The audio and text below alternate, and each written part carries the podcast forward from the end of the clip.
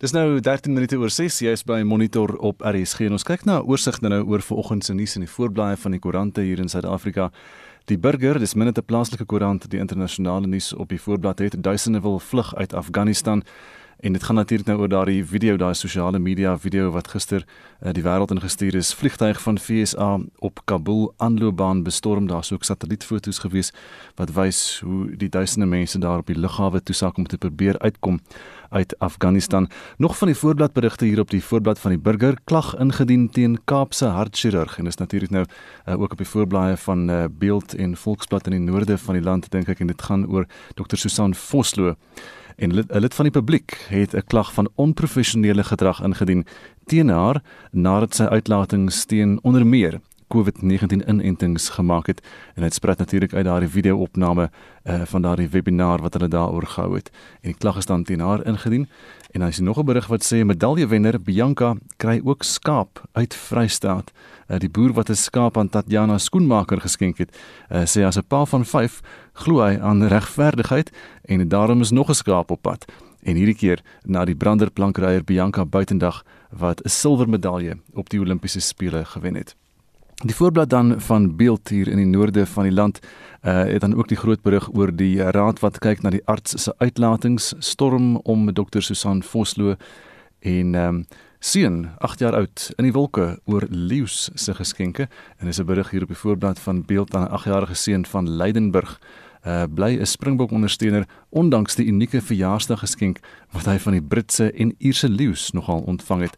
Hy spog met 'n opwarmingsstry en 'n rugbybal wat deur die oorseese rugbyspan uh, se spelers onderteken is. Caleb Brits staan daar met die rugbybal baie gelukkig uh, daarmee. Die voorblad van Volksblad dan die digitale voorblad van Volksblad ook die stories uit Afghanistan en uh, van Dr Susan Vosloo en dan in die koerant vandag sê hulle Icona vir nuwe naam vir dorp sê Brandfort. Hulle gaan praat met die inwoners van Brandfort self uh, en Sionzana tog eerste Bloemfontein burger na na die stemming gister in die metroraad oor die nuwe burgemeester vir die Mangaung metro. Uh, die voorblad van Business Day vanmôre berig dan oor die uh, kwessie met Transnet. Transnet se hulle noem dit die May Day aan die privaat sektor om die lughawens en die spoornetwerk te red en dit gaan uh, oor die gebruik van uh, die spoornetwerk byvoorbeeld deur private treine en private operateurs wat dan die vrag uh, sal vervoer. Internasionale nuus bbc.com en meeste van die alle ander internasionale media het natuurlik die berigte uh, president Joe Biden van Amerika het gisteraand Suid-Afrikaanse tyd gepraat en nou uiteindelik en uh, hy sê hy staan by sy besluit. Die opskrif van die New York Times vanoggend Biden defends pull out despite Taliban rout. Um hy sê hy noem hierdie onttrekking van die soldate en die Amerikaanse troepe uit Afghanistan messy but I stand squarely behind my decision. I said dit het vinniger gebeur as wat ek voorsien het, maar dit is beter om uit te wees as om in te wees. En dis net so vinnige oorsig dan oor vanoggend se nuus. Jy is ingeskakel op Monitor en onthou later vanoggend so 10 oor 7 se kant praat ons juis oor Afghanistan. Een van die vrae wat ons wil vra is die Amerikaners het 88 miljard dollar oor 20 jaar aan wapentuig spandeer, baie opleiding gehad in die Taliban, neem alles oor met 'n paar Toyota trokke. Wat het skeef geloop met die strategie? Bly ingeskakel vir daardie onderhoud. Nou later vanoggend op Monitor het ons ook 'n bydrae oor vredesame samelewings. Ons wil vanoggend by jou weet, hoeveel geld spandeer jy aan sekuriteit? Of voel jy veilig sonder om geld uit te gee? Behoort jy aan 'n veiligheidsgroep of 'n buurtwag? Gesels saam, stuur vir ons 'n SMS na 45889, dit kos R1.50 of gaan na facebook.com vorentoe skuinstreep ZRSG of WhatsApp vir ons stemnota na 076 536 69 61 076 536 6961. Dis nou 17 minute oor 6. Dankie dat jy saam luister na Monitor vroeg op hierdie Dinsdagoggend. Nou daar steeds verdeeldheid in die Nkageng informele nedersetting in Marikana. Dis naby Rustenburg in Noordwes. Terwyl sommige kla oor 'n gebrek aan eh, ontwikkeling, glo ander dat nog die mynmaatskappye, nog die regering aanspreeklik gehou is vir die dood van 34 mynwerkers nou al 9 jaar gelede. Lede van die mynwerkersvakbond AMKU het gister 'n kraanslegging gehou by die koppie in Marikana eh, ter herinnering dan aan die wat op 16 Augustus 2012 deur die polisie doodgeskiet is. Lizet Labeskagni doen verslag. Die gebrek aan ontwikkeling in die Nkaneng informele nedersetting is steeds 'n seer oog. Paaie is nie geteer nie. Inwoners het soms vir dae lank nie water nie en die informele nedersetting is steeds nie geformaliseer nie. Die slegte lewensomstandighede hier was deel van die uitdagings wat mynwerkers reeds in 2012 uitgelig het. Inwoners sê min het intussen verander. We want developments here. The municipality must clean this place. It's dirty. All the mines around Marikana have done nothing for us since the massacre. The municipality must clean this area. It's dirty, as if the people don't live here. 'n Gemeenskapsaktivis Napoleon Webster sê hierdie gebrek aan ontwikkeling moet voor die deur van alle politieke partye se parlementêre verteenwoordigers gelê word. These people if they were able to chase Jacob Zuma out of parliament and now he's in jail, I'm sure they can be able to to make sure that the mines they comply with the charter and people the communities are better educated and defended by the political figures. We've been complaining and crying for very long time about poor service delivery. Volgens die vakbond AMKU wys die gebrek aan implementering van die aanbevelings van die Marikana Kommissie van Ondersoek daarop dat kommissies 'n vermorsing van staatshulpbronne is. AMKU se streeksekretaris, Potuma Manyati. It shouldn't take, be taking that long to implement recommendations of a commission, particularly considering the number of people that died here. I'm not even counting those that were, those that were injured. And those that were arrested and those that were uh, psychologically affected. It's quite a big group for the commission to find nothing. How can you find nothing when people died? That's very strange. It defies logic. AMKU het weer 'n beroep gedoen op die regering om 16 Augustus as 'n publieke vakansiedag te verklaar. Die verslag is saamgestel deur Itumeleng Gajani in Rustenburg en ek is Lizetla Beskagni in Mahikeng. En ons bly by die onderwerp en praat nou met professor Andre Dievenage, politieke ontleder um um aan akademia. En uh, ons begin met jou deur die groot vraag hierso. Is daar is ongelukkigheid 9 jaar na die tyd dat niemand skynbaar verantwoordelikheid neem vir wat daar gebeur het nie? En ons weet president Ramaphosa word daarbey betrek. Wat gebeur agter die skerms Andrei Uh, Goeiemôre Anita.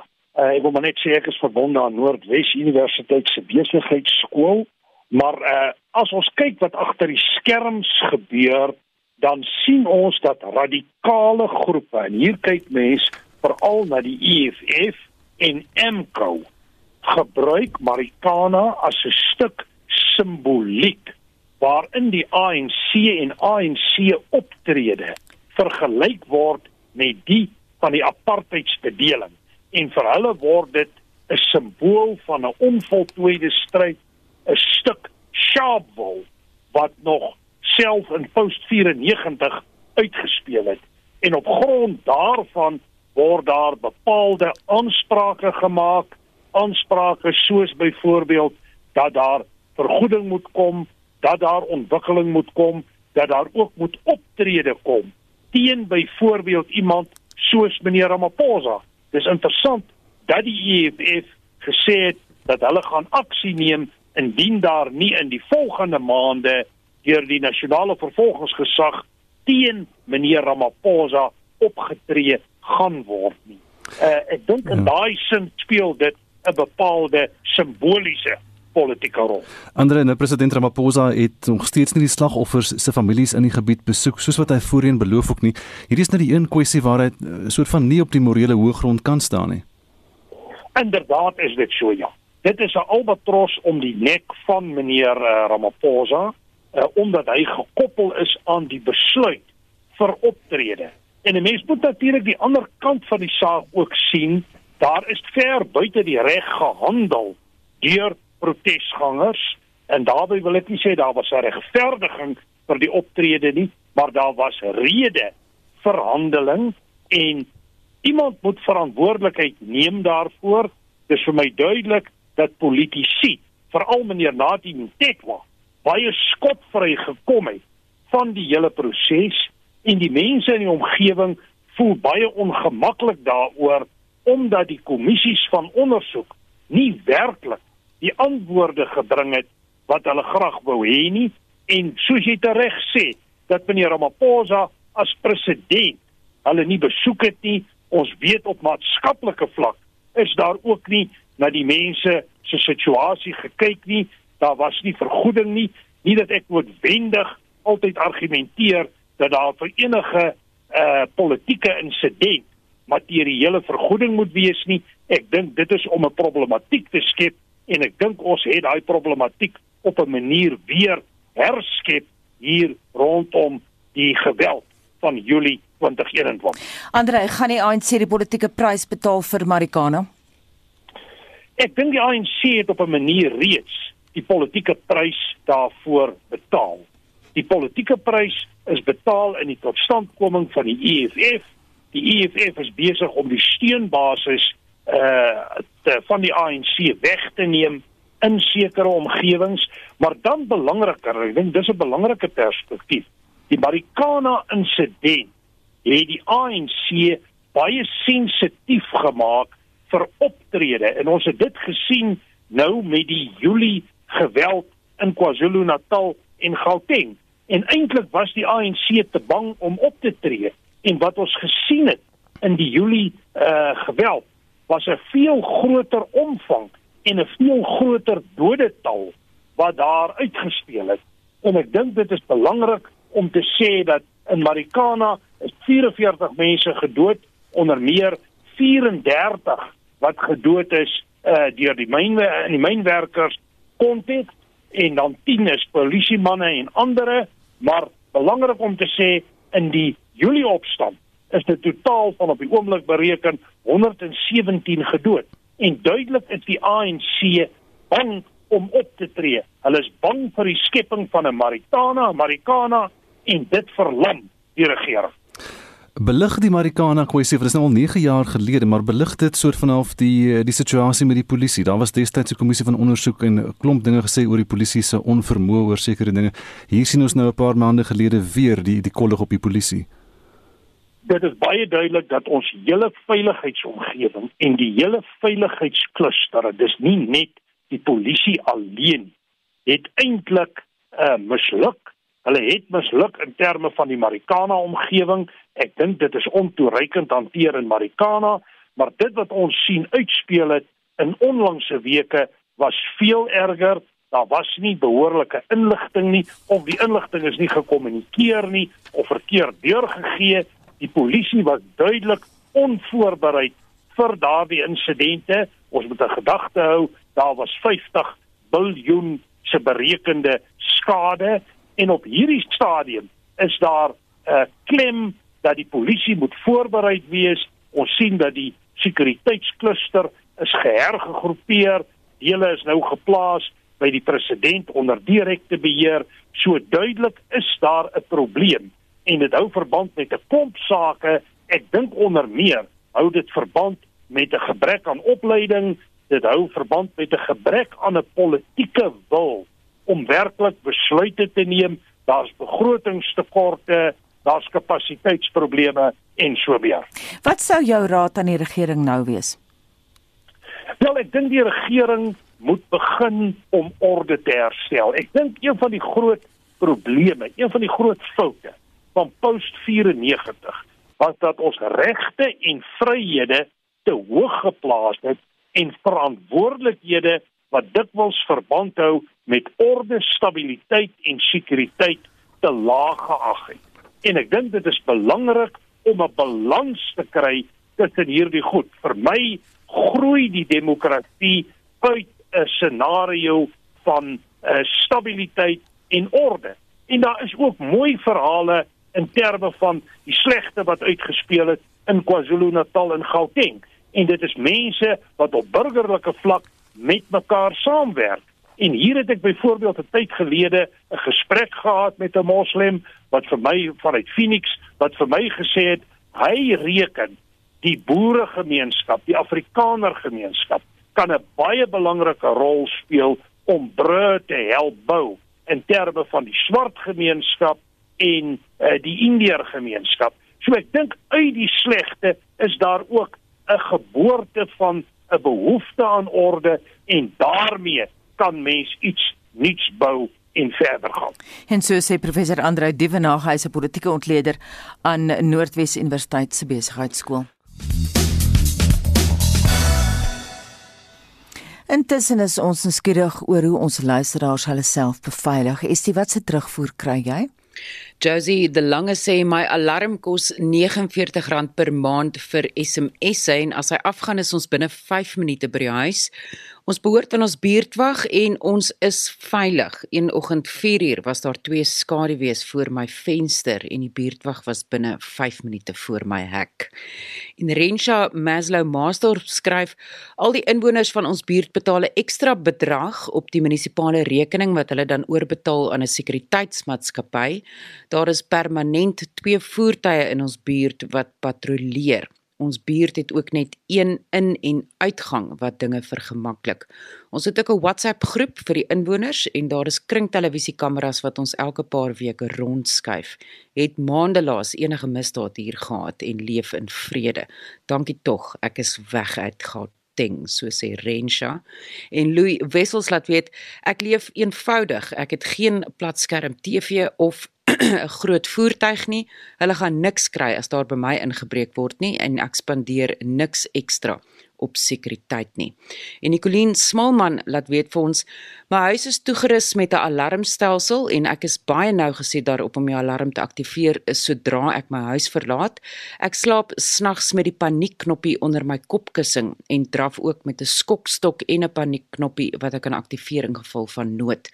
My ligging word dan ook aan die naaste sekuriteitsmaatskappy gestuur om te reageer. Ek is al 2 keer in my lewe aangeval en weet ek is nie van 'n derde of 'n vierde aanval gevrywaar nie. Ek lewe in vrees, maar dit is wat dapperheid is om aan te gaan ten spyte van die vrees. Ons praat vanoggend oor hoeveel jy spandeer aan sekuriteit en of jy veilig voel sonder om die geld uit te gee.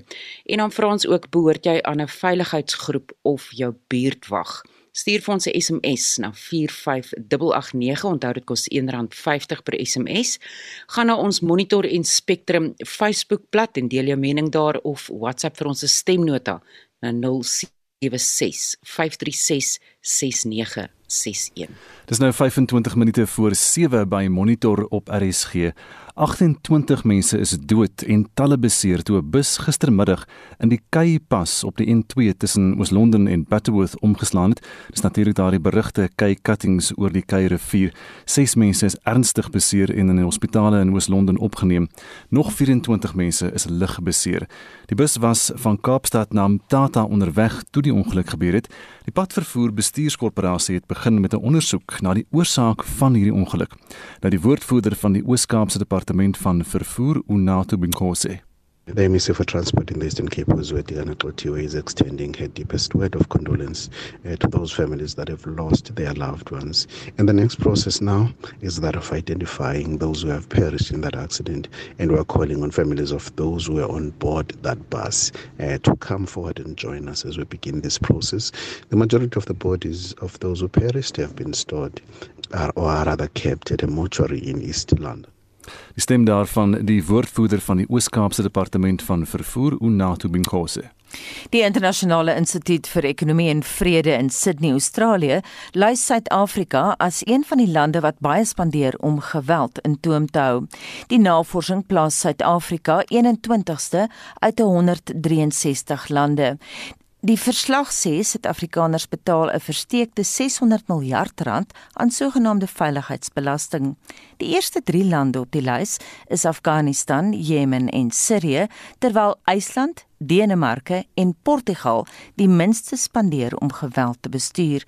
Mitsi van der Merwe het die verslag met een Cameron van die gemeenskapsbeveiligingsorganisasie Action Society bespreek.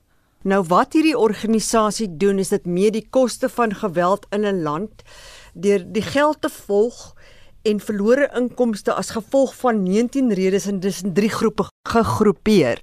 Die bekamping van geweld, gewapende konflik en interpersoonlike selftoegediende geweld.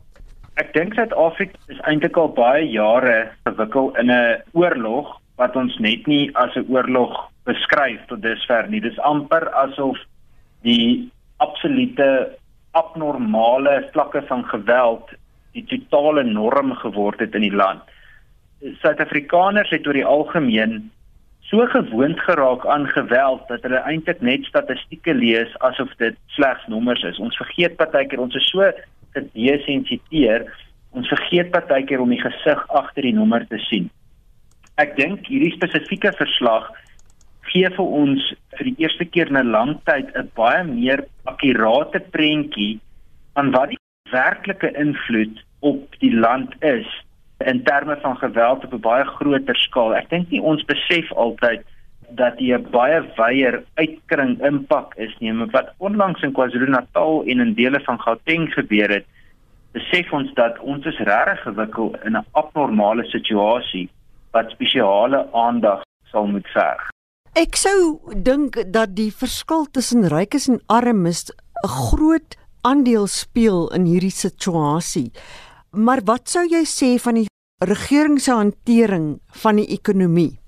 Ek dink eerstens in terme van ryk en arm is die benadering tot geweld net anders. Ons sal in armer gemeenskappe sien dat dit meer in 'n vigilante optrede ontaard. In middelklas tot tot armer gemeenskappe sal ons ook sien dat mense wettig begin organiseer, buurt plaaswagte, polisieering forums ensovoorts. En dan in regtig die rykste van die ryk gemeenskappe sal ons sien dat privaat sekuriteit nader getrek word en net nog sterker gemobiliseer word. Die regering se hantering van die hele krisis in terme van die ekonomie as sulks is is uiters kommerwekkend. Ek dink daar sal verskeie mense, veral ekonome wat wat ek nou die afgelope tyd oor geluister het na wat in KwaZulu-Natal gebeur het, wat net gesê het dit is skrikwekkend, maar wat ek van my kant af kan sê in in terme van misdaad en die regering se hantering dink ek ek kon se ver gaan om die aantuiging te maak dat die staat geld maak uit die sekuriteitskrisis. Dit veroorsaak uit die aard van die saak dat nog meer belastinggeld in daai rigting gedruk moet word in, in terme van die sekuriteitssektor van die staat en ongelukkig weet almal wat saam luister dat al daai geld beslis nie gaan vir polisieering en veiligheid nie. Op die stadium pas dit hulle sakke die leierskap van spesifiek die ANC om een van die grootste pandemies wat ons nog uh, gesien het te hanteer. Die probleem is dit raak 'n baie duur land om in te bly want in hierdie verslag noem 2019 se syfers hulle sê dat die jaarlikse koste was in 2019 gelyk aan 12% van die bruto binnelandse produk. Dit was rondom 600 miljard rand dan vergelyk hulle dit met nou baie meer vredesame lande soos Denemarke, Kanada en Japan wat slegs 3% van hulle eh, bruto binnelandse produk spandeer op geweld. Wat sou jy eh, sê behoort die staat te doen om beter hierin te slaag as ons gaan kyk na wat onlangs gebeur het in KwaZulu-Natal en in Gauteng?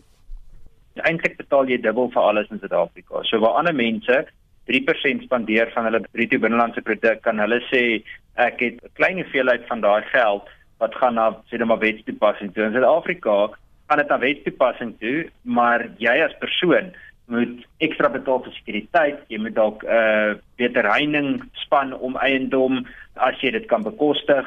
Jy moet 'n alarm hê, jy moet privaat sekuriteit hê, jy moet saam met 'n buurtwag werk ensovoorts. So jou kostes is aansienlik hoër versekerings kos meer want jou kar gaan dalk gesteel word, jy's in meer gevaar ensovoorts. Wat kan die staat doen? Ek dink die eerste ding is onder 'n ANC regering kan ons vergeet om enige vorm van werklike verandering te gee. Die ANC is verrot tot in sy kern met korrupsie en Cyril Ramaphosa se antwoorde by die Zondo-kommissie sê eintlik vir ons hoekom ons sit met verskeie mense wat of deur hulle stilswye verantwoordelik gehou moet word. Die feit dat hulle niks gedoen het terwyl hulle die kans gehad het om op te tree nie, laat veel te wense en ek dink dan verder moet ons kyk at, as die ANC nie daar is nie hoe ons meriete aanstellings kan kry. Dit is eenvoudig so dat wetstoepassing in Suid-Afrika of die hele sekuriteit of sekuriteitsklaster as sulks gekaap is deur die ANC om 'n bietjie van 'n politieke eystervuis te word. En eintlik het Jacob Zuma dit regtig suksesvol gedoen, net nie op papier nie, toe kom Cyril Ramaphosa onlangs met die kabinet herstrukturering en trek daai hele kluster onder die presidentskap in. En dit laat 'n baie baie groot rooi lig vir my.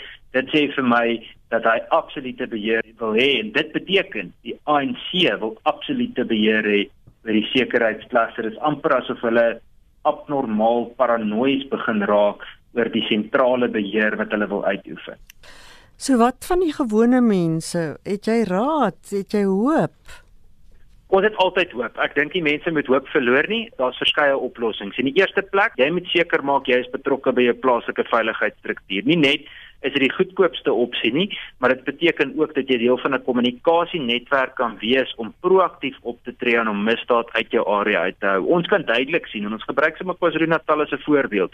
Daar waar gemeenskappe binne die raamwerk van die wet goed georganiseer was, was daar die minste geweld gewees daar waar mense ewe skielik na strooihalms moes gryp waar hulle nie georganiseer was nie, was daar dikwels meer baie slegte geweld gewees.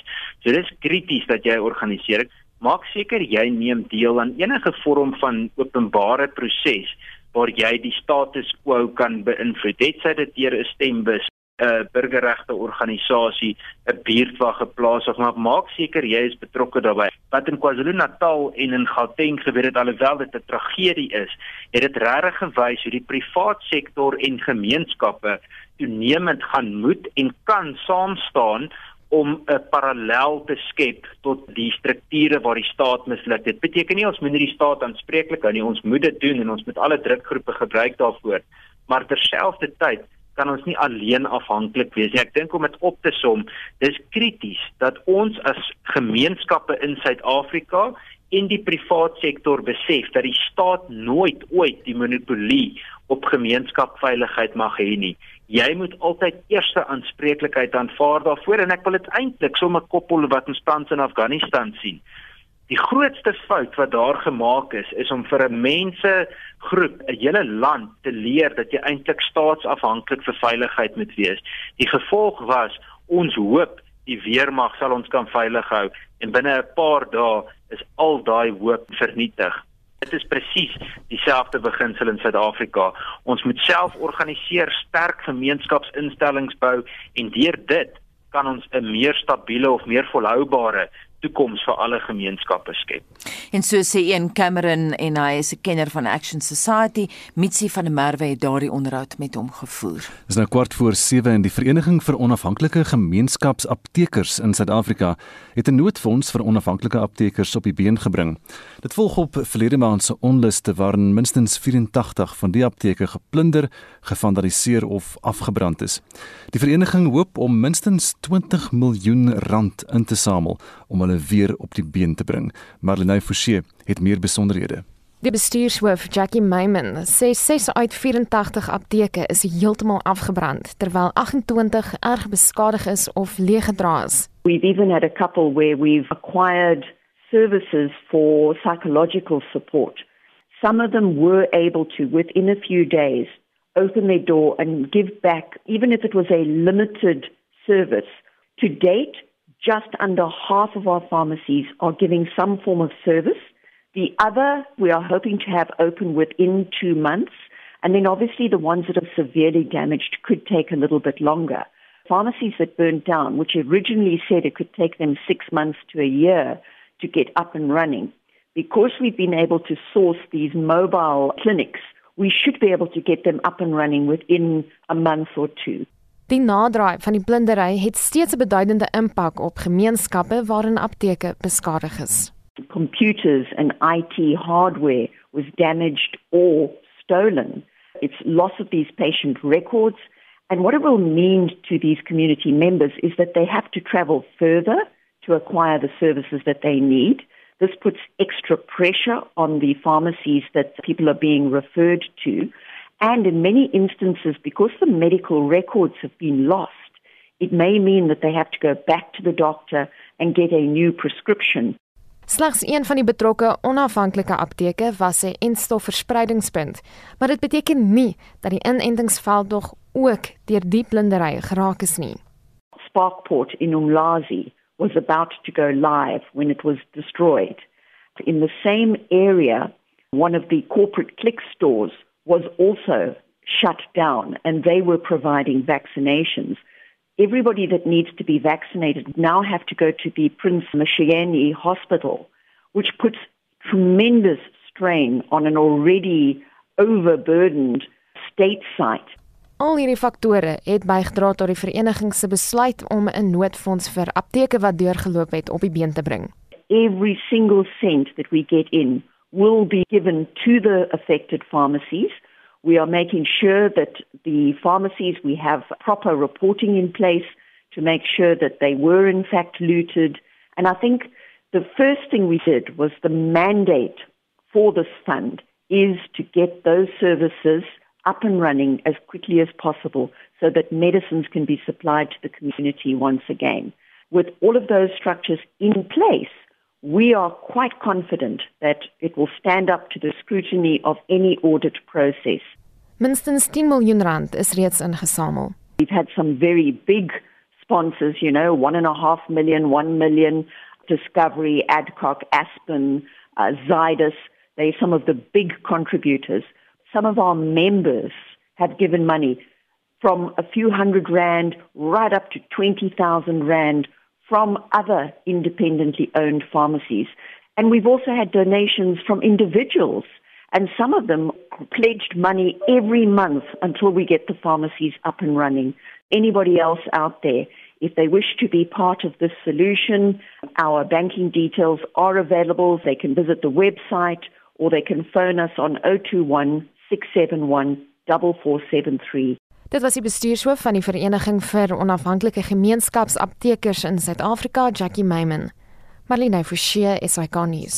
En nou terug na een van ons hoofstories vanoggend. Uh, dit is 9 jaar na die Marikana slagting en president Cyril Ramaphosa het nog nie sy belofte gestand gedoen om die slagoffers se families in die gebied te besoek nie.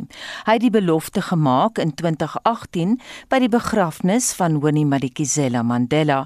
Hy sou die weduwees van die slagoffers persoonlik besoek met sy van der Merwe het die besonderhede.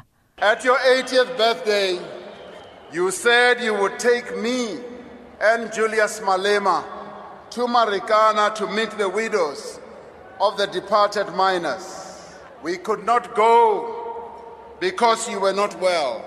You are gone now. I am left to go alone, but I will be guided by your spirit. As you said, and I know that Julius Malema will go with me so that we can go and heal the wounds of the Marikana widows. President Cyril Ramaphosa het nog nie die weduwees van die slagoffers in 2012 besoek soos beloof nie. Hy het met Winnie Madikizela Mandela se begrafnis onderneem om die vroue persoonlik om verskoning te vra. Een van die regsverteenwoordigers van die afgemaaide myners, advokaat Dali Mpofu, is teleurgesteld hieroor. I have no doubt that if these victims were not black poor people, if they were people of another race, this matter would have been uh, resolved a long time ago. He made an undertaking to the country and to the world that he was going to ask the president of the EFF uh, to accompany him to that place. And uh, I'm quite sure that uh, he, he has some explanation as to why almost three years later he has not done so. Die tragedie van 16 Augustus 2012 sou 'n skand vlek op die Suid-Afrikaanse demokratiese bedeling laat.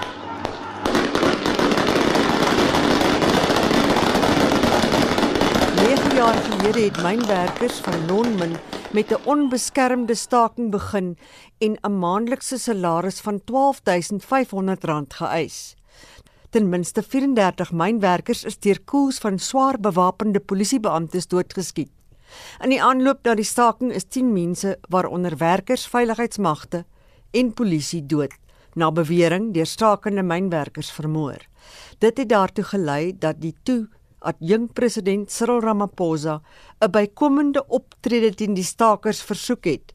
Hoewel hy vrygespreek is deur die Falem kommissie na die voorval, blyk dit of sy versoek vir bygaande optrede teen die stakers vir die res van sy lewe by hom gaan spook.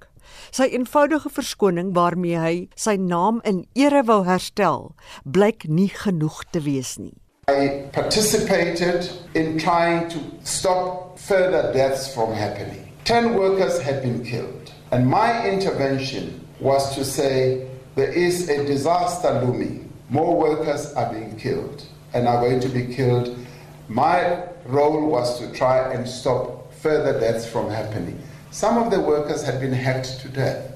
And yes, I may well have used uh, unfortunate language in the messages that I sent out, and for which I have apologized, and for which I do apologize. But I never had the intention to have 34 other mine workers killed.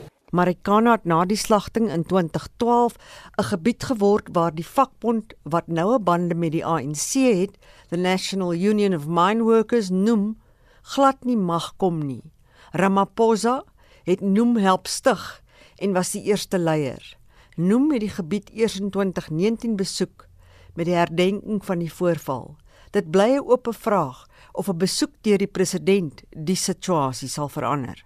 Ntebum Kobo van ons politieke redaksie het hierdie verslag saamgestel. Mitsi van der Merwe SAK-nuus. Die leier van die EFF, Julius Malema, het intussen 'n beroep op die nasionale vervolgingsgesag gedoen om president Ramaphosa te vervolg vir die Marikana tragedie van Augustus 2012 in Noordwes. Ramaphosa was in daardie stadium 'n nie uitvoerende direkteur van Lonmin, die maatskappy wat betrokke was by die arbeidsdispuut met die werkers. Dis nou 6 minute voor 7 nou slegs 4 miljoen van die land se inwoners is ten volle ingeënt teen COVID-19 en dit beteken dat kudde-immuniteit buite bereik bly. Die hoof van die Instituut vir Oordraagbare Siektes se sentrum vir entstof, Dr Melinda Suchard, sê daar's hoop om immuniteit op te bou nadat 2/3 van die land se inwoners ingeënt is. Nou dit blyk egter nou dat die syfer heelwat hoër moet wees. Die wending word volgens die instituut toegeskryf aan die stadige pas van inentingsveldtogte wat vererger word deur die verspreiding van die Delta variant. Gemeenskapsimmuniteit beteken dat genoeg mense weerstand teen die virus opgebou het om te verhoed dat dit in die huidige tempo toeneem en meer gevalle veroorsaak. Daar's egter kommer oor of die land ooit die punt gaan bereik. Van die uitdagings tot dusver sluit in kommer oor die doeltreffendheid van AstraZeneca teen die Beta variant, asook die destydse tydelike opskorting van die Johnson & Johnson enstof om seker te maak dat gebruikers nie die risiko loop om bloedklonte te kry nie. Dan was 'n boonop verlede maand se onluste in veral KwaZulu-Natal. So Charles sê enstof moet baie vinniger toegedien word. One person with the Delta variant tends to give it to five or six non-immune individuals. The herd immunity threshold would then be 80%. So we are now um, would need a much higher level of coverage in the country if we were going to rely on herd immunity to say that outbreaks would not um, spread. Hoewel sy sê dat die virus nooit uitgewis gaan word nie, kan meer enstof help om sterftes en hospitalisering in die toekoms te verhoed. Volgens haar gaan hande was, saniteermiddel en sosiale afstand deel bly van ons daaglikse bestaan. It's very likely that the virus is going to become part of the viruses that circulate and that make people ill, but not at epidemic levels. Viruses like influenza, it's um, relatively few people every year instead of and it's very likely that that's what's going to happen to SARS-CoV-2. It will continue to circulate. There will always be some people catching it in any season, but those who are vaccinated will not be um, suffering from severe illness or death. SARS-CoV-2 is going to be with us for a long time, years. Intussen is nie alle rolspelers doemprofete nie. Volgens professor Amina Goga aan die Suid-Afrikaanse Mediese Navorsingsraad is daar bewyse van klein gemeenskappe wat reeds begin immuniteit opbou teen die virus.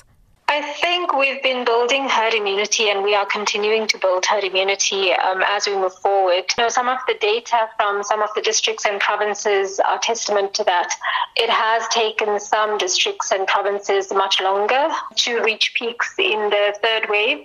And we think that's in part due to pockets of herd immunity that has already developed uh, within our communities. We have had some surveys that have shown antibody prevalence uh, sitting at between 30 to 40 percent and we need to continue to generate that data. Bongani Mazibuko van die verpleegstersvakbond Nosa sê inentingsveldtogte moet drasties opgeskerp word om te verhoed dat gemeenskapsimmuniteit net 'n droom bly.